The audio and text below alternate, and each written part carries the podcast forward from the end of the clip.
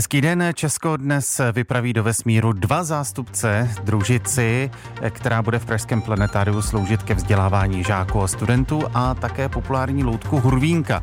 Cestě proto věnujeme celou vědeckou půlhodinu jako speciál provází Jan Burda. Věda plus.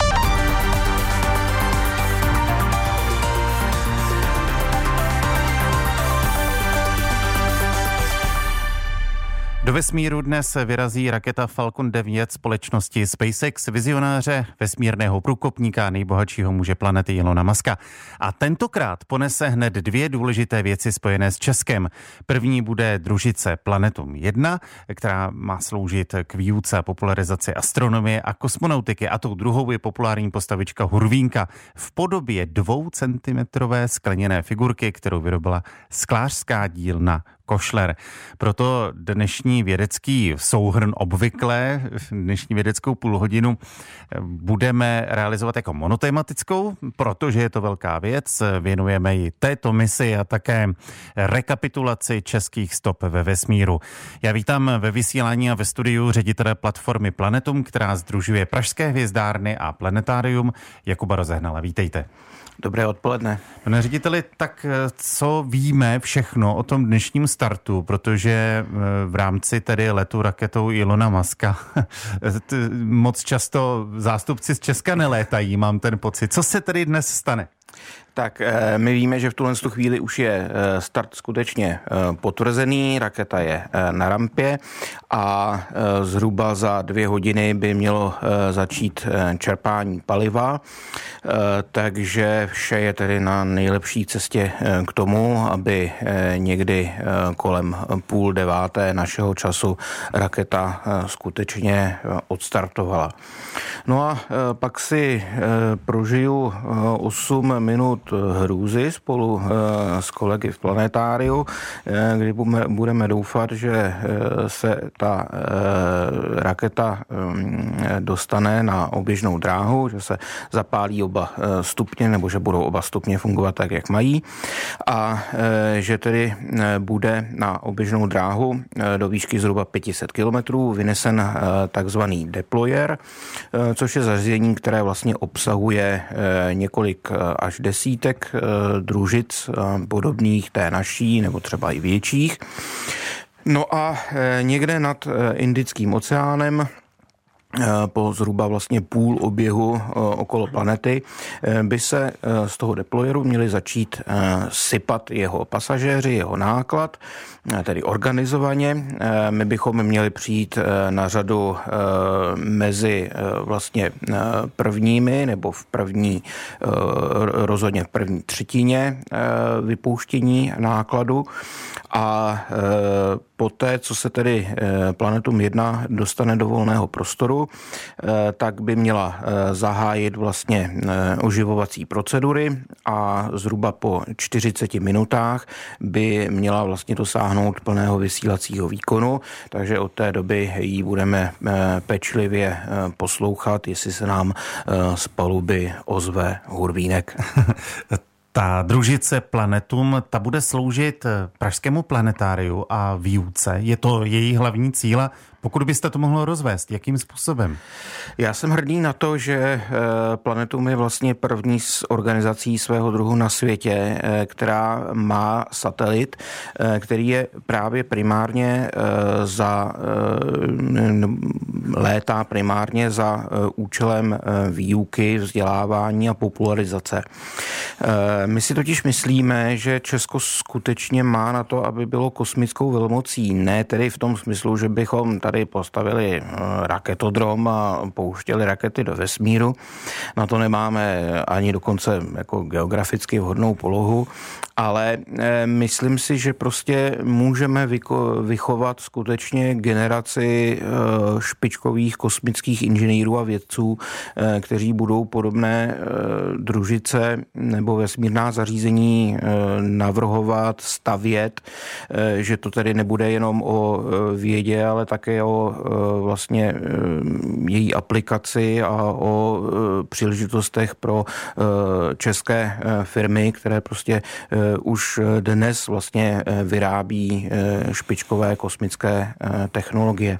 No a my bychom prostě k tomu rádi přispěli a tak chceme vlastně do planetária zvát školní výpravy základních a středních škol na workshopy, kde se budou studenti vlastně seznamovat s, s základními eh, principy eh, kosmického, eh, kosmonautiky nebo kosmických technologií.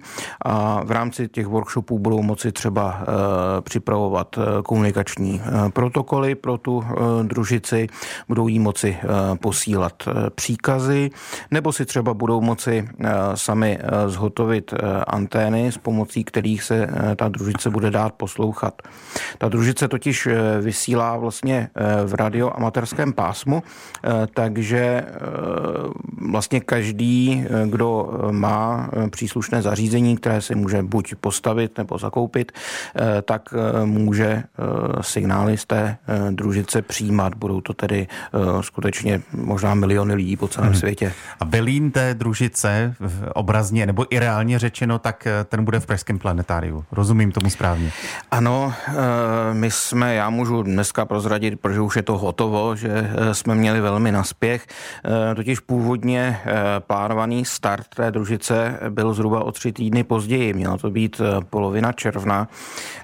Dnes, když se podíváte na termíny dodávek čehokoliv, měsíce spoždění žádná míra a e, zrovna e, v téhle době vám oznámí, že e, tu družici pustí o tři týdny dřív, tak samozřejmě měli jsme velmi napilno, aby jsme řídící centrum a antény postavili a také otestovali, ale dnes už můžu říct, že vše funguje, zdá se tak, jak má, takže snad se s družicí uslyšíme. Říká Jakub Rozehnal, ředitel platformy Planetum, která združuje Pražské hvězdárny a planetárium. To je hlavní host naší vědecké půlhodiny, zůstává s námi. Bez zesporu se dostaneme také k popisu k tomu, jak družice Planetum vypadá. Ovšem já v tuto chvíli vítám eh, na, po telefonu ve vysílání dalšího hosta, tím je popularizátor astronomie, kosmonautiky a autor knihy České stopy ve vesmíru, pan Milan Halousek. Dobrý den. Eh, dobrý den, zdravím vás.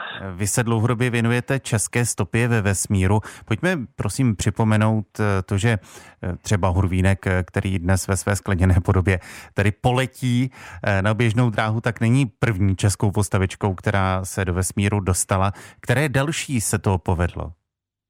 Tak především úplně ta první, ta už byla v roce 1978, kdy náš kosmonaut Vladimír Remek sebou vzal do vesmíru panenku v kijovském kroji.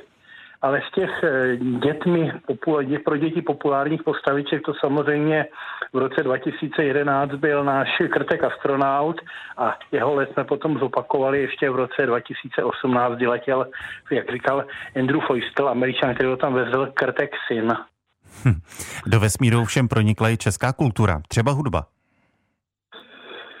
No samozřejmě ne, přímo, úplně, ale první člověk, který přistál na měsíci, Neil Armstrong v Apollo 11 v červenci roku 1969, měl ve svém Walkmanu eh, se několik skladeb, který si, které si pouštěl eh, před spaní, aby se uklidnil. A jedna z těch skladeb právě byla Dvořáková Novosvětská, takže nejenom do vesmíru, ale i na povrch měsíce možná, možná se dostala až Dvořáková Novosvětská symfonie číslo 9. Mohl byste připomenout eh, nějaké další eh, úspěchy, eh, ten český podíl při dobývání vesmíru, ať už je technologický nebo lidský? Tak samozřejmě ten nejvýznamnější, to nejvýznamnější jméno v našem, eh, naší krajiny je Vladimír Remek a jeho let v roce 1978 v kabině Sojuzu 28. Eh, díky němu se Československo stalo vlastně třetí zemí, který mělo svého člověka ve vesmíru. Před Remkem létali pouze američané nebo rusové. My máme takového dalšího Čecha, kterému, o kterém si říkáme, že, že, že, že k nám patří právě Andrew Foistla, byť je to američan, ale má české eh, příbuzné jeho manželky. Jinak samozřejmě můžeme vzpomenout další americké, americké astronauty, eh, kteří se hrdě hlásili Eh, případně ještě hlásí k českým předkům, ať je to Eugene Cernan, velitel Apollo 17, eh, poslední člověk, který se v prosinci roku 1970 procházel po měsíce. Eh, Jim Lovell, myslím si, že obecně známý příběh Apollo 13, té havárie se s tou měsíci a Jim Lovell také se hrdě hlásí k českým předkům. John Blaha, američan, který pětkrát letěl to plánem. Ale i další, Frank Borman z Apollo 8, který sice měl předky tady v té naší oblasti v Sudetech, ale na té německé straně, tak toho asi úplně nemůžeme počítat. Ale Eh, nějaké další české stopy, já bych asi samozřejmě vypíchl hlavně eh, postavu 14-letého židovského chlapce z Terezína Petra Ginze z druhé světové války, kdy eh, on namaloval krásný obrázek svojí představu pohledu z měsíce na planetu Zemi. A tenhle ten jeho obrázek vzal v roce 2003 do vesmíru izraelský astronaut Ilan Ramon, který bohužel zahynul potom v Kolumbii při návratu 1. února roku 2003. Ale ten samý obrázek potom vzal do vesmíru znovu právě Andrew Feustel a splnil vlastně tak sen tohohle mladého chlapce, který potom to zahynul v koncentračním táboře. Připomíná popularizátor astronomie a kosmonautiky, autor knihy České stopy ve vesmíru Milan Halousek. Děkuju, mějte se hezky, naslyšenou. Děkuji, hezký den, nashledanou. Hlavním hostem vědecké půlhodiny je Jakub Rozehnal, ředitel platformy Planetum, protože dnes v půl deváté, pokud se to dobře pamatuju, našeho času bude družice, výuková družice, která bude řízena z Pražského planetária Planetum 1 putovat do vesmíru na palubě eh, rakety eh, společnosti SpaceX Ilona Muska. Mimochodem, eh, jak se vlastně takový taková cesta, taková letenka dohaduje. Já nevím, jestli třeba vy v Praze zvednete telefon, zavoláte Ilonu Maskovi, řekne, máme t- řeknete, máme tady ten projekt, potřebujeme eh, dostat družici na oběžnou dráhu. Eh, pro mě to vlastně také byla eh, novinka vůbec sledovat ten proces. Je to tak, že vlastně ten prostor na jednotlivých misích Transportér, se kterou teda letíme, mise Transportér 5, ten prostor je eh, vlastně eh, už dopředu eh, zabukován společnostmi, které mm, to místo dále přeprodávají. Takže my jsme vlastně měli štěstí, že jsme se právě velmi jako mm, rychle vešli do prostoru, který už měla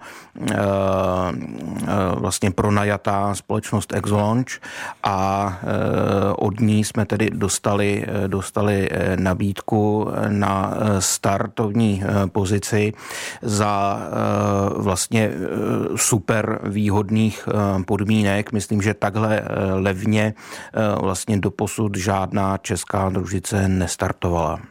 Ta družice Planetum 1 tak vypadá jak, jak si ji představit? Jsme v rozhlase, nemáme obrázky, tady hrajeme se s fantazí posluchačů.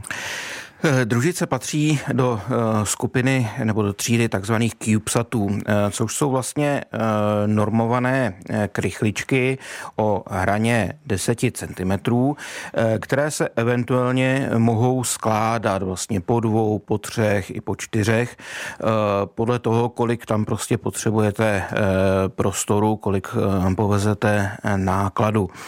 My jsme tedy ta základní krychlička, čili prostě kostka 10x10 eh, cm. Eh, to je tvar eh, v tom jaksi složeném stavu, v tomhle tom stavu je vlastně ta družice uložena v tom deployeru. Eh, ve chvíli, kdy eh, jí vlastně ten eh, deployer vyhodí, vlastně pomocí pružiny, otevřou se dvířka, družice je prostě vykopnuta surově ven, tak poté se vlastně pomocí elektrických výbojů přepálí pojistky, které drží ve strolovaném stavu antény, takže ty anténky se vlastně rozvinou do délky zhruba průměru půl metru od té družice. A Dále se z ní eh, vyklopí ramínko eh, s magnetometrem. Eh, ten magnetometr měří magnetické pole Země, ale je samozřejmě velmi citlivý a proto musí být vně té družice, aby ho vlastně neovlivňovaly elektronické přístroje, které jsou potřeba k obsluze té družice. Pokud dovolíte, tak je to velice laický dotaz. Má v sobě družice Planetum 1 třeba nějakou kameru, nějakou webkameru, že se budu moci podívat od vás planetária, jak to vypadá kolem ní? Eh, jsou tam vlastně hned dvě eh, kamery. Ta hlavní kamera je ta, se kterou budou vlastně moci naši návštěvníci eh, fotografovat povrch země nebo stahovat si fotky povrchu země. Myslím si, že první fotografii bychom měli mít zhruba do týdne. Jde totiž o to, že ve chvíli, kdy ta družice vyletí ven, tak nikdo neví vlastně dopředu, dopředu, jak rychle eh, bude rotovat. Eh, ta družice se musí eh, nejdříve zpomalit. My tam máme aktivní vlastně polohovací systém, což je mimochodem také světové prvenství. Budeme mít vlastně nejlépe nebo nejpřesněji orientovaný, no, polohovatelný CubeSat a to díky vlastně zařízení, které eh, vyrobil eh, výzkumný zkušební letecký ústav. Eh, je to vlastně jeho vylepšená verze prototypu, která už vlastně ve vesmíru jednou byla. Jsou to vlastně reakční kola, která prostě se tím, že se urychlují nebo zpomalují motorky, tak vlastně natáčí i tu, i tu družici. Takže až eh, se nám ji podaří eh, dostatečně eh, zpomalit, tak potom budeme moci snímkovat, snímkovat zemi. Druhá kamera, ta je uvnitř a tu budou mít vlastně k dispozici naši nejmenší návštěvníci, právě proto, aby si mohli povídat s tím hurvínkem. Kamera bude zabírat hurvínka i s oknem, které je za ním a kterým by právě mohlo, mohla být vidět třeba i země koule. Takže kromě těch e, kamer, tam samozřejmě budou i další senzory, jsou to senzory světelné, senzory slunce, senzory teploty. A jak jsem říkal, tak vlastně i ty, ten, ten magnetometr. Říká, popisuje jako prozehnal ředitel platformy Planetum, která vypraví dnes, eh, už vypravila, čeká na start družici eh, Planetum 1. K nám se teď po telefonu přidal do vědecké diskuze na Plusu kurátor letectví a kosmonautiky Technického muzea v Brně, pan Tomáš Přibyl. Vítejte, dobrý den. Krásný, dobrý kosmický den. Eh, máte radost z toho, že Planetum 1 bude letat nad našima hlavama? Eh, samozřejmě z toho snad nelze nemít radost.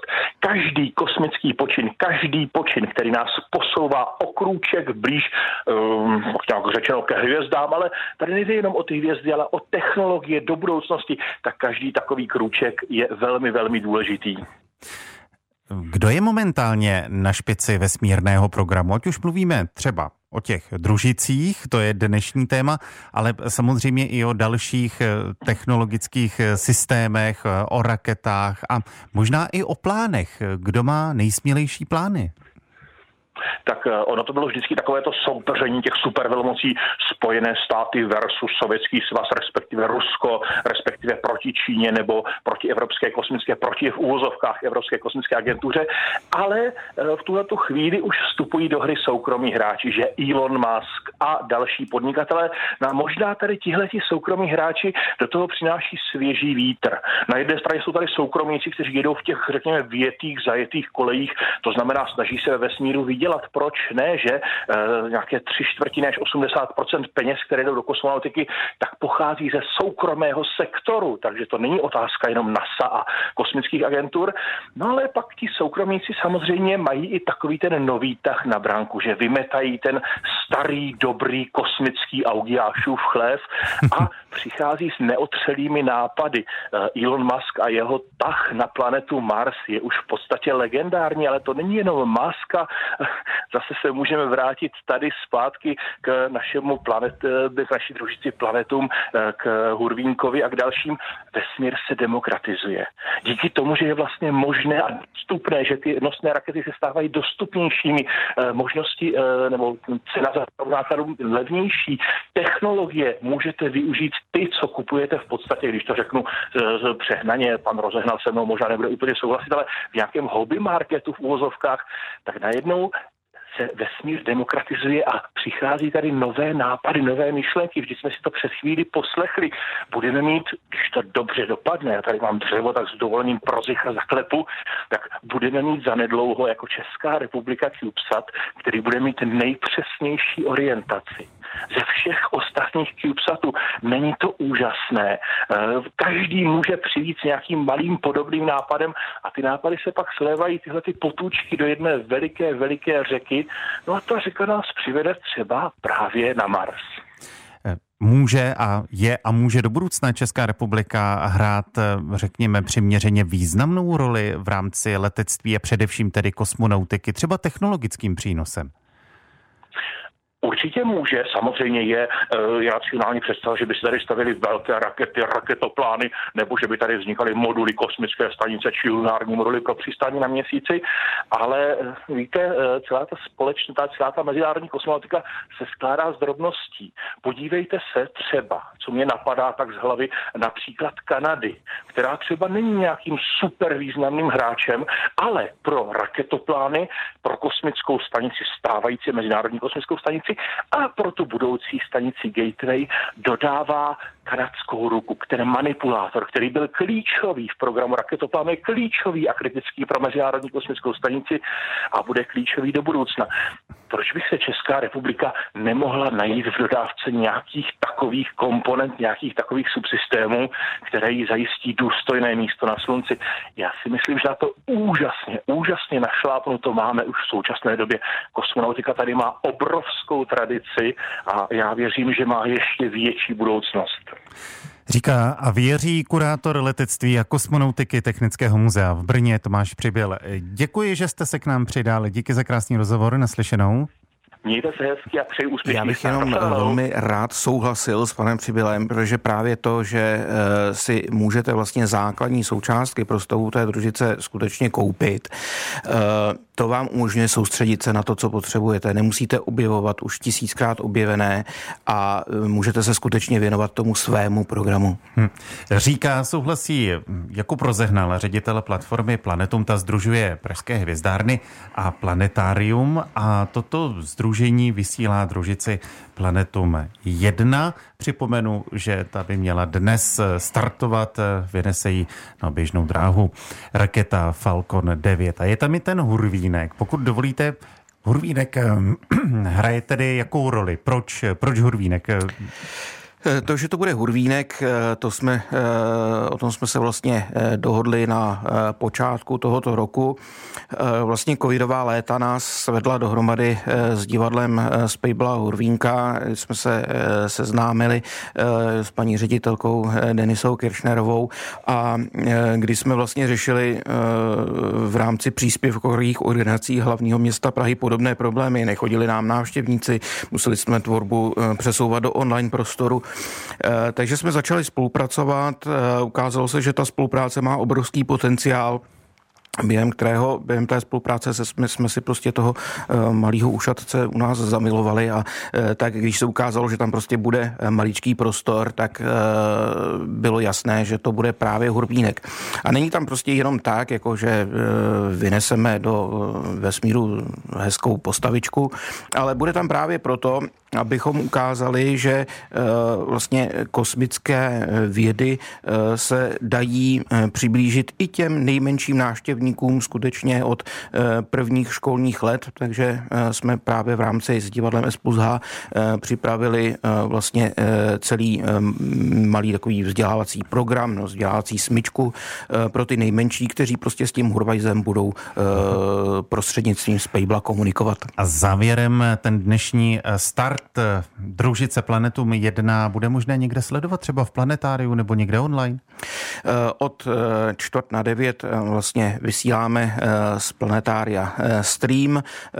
Celým večerem nás bude provázet, bude ho moderovat Daniel Stach, takže máme vlastně připravený program pro celou dobu toho startu až po vypuštění družice. Sledovat je to možné na našem YouTubeovém kanále. A úplným závěrem, až se tedy ta družice stabilizuje, rozvine, začne komunikovat, tak teprve poté začnou ty výukové programy nebo ty workshopy u vás. Počítáme s tím, že první eh, workshopy by se eh, konaly vlastně už eh, počátkem června tohoto roku. Říká Jakub Rozehnal, ředitel platformy Planetum. Já připomenu, že ta združuje Pražské hvězdárny a Planetárium. No a v půl deváté večer zamíří do vesmíru raketa Falcon 9 a ta ponese družici Planetum 1 a 2 cm skleněnou figurku Hurvínka. Díky za přiblížení podrobností a ať to vyjde, držíme palce. Děkuji, krásný večer.